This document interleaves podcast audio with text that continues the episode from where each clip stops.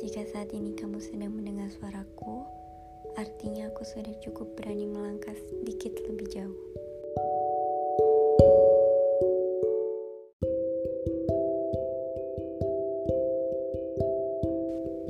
Buatku, definisi rumah itu bukan cuma tentang bangunan yang kokoh, tapi juga tentang siapa.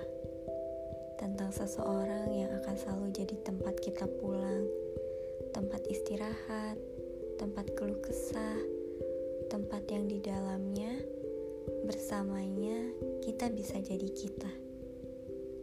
Seseorang yang pundaknya akan selalu siap sedia. Seseorang yang tangannya akan selalu siap merangkul. Seseorang yang bisa jadi pondasi untuk kita.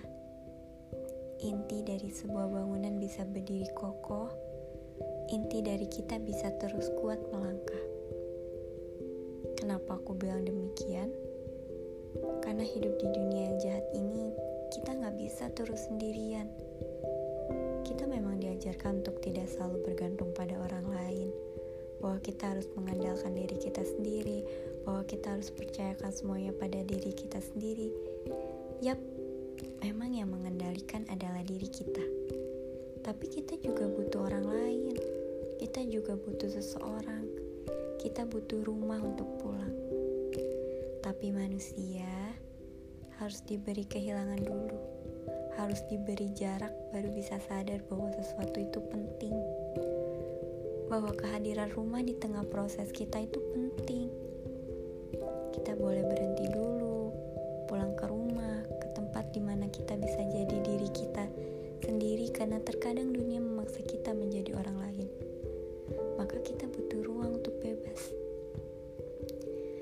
sudah pernah merasakan kehilangan seseorang, kehilangan tempat aku pulang.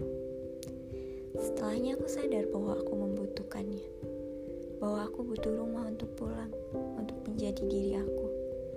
Karena setelah perpisahan itu, aku kehilangan sebagian diriku. Aku kehilangan arah.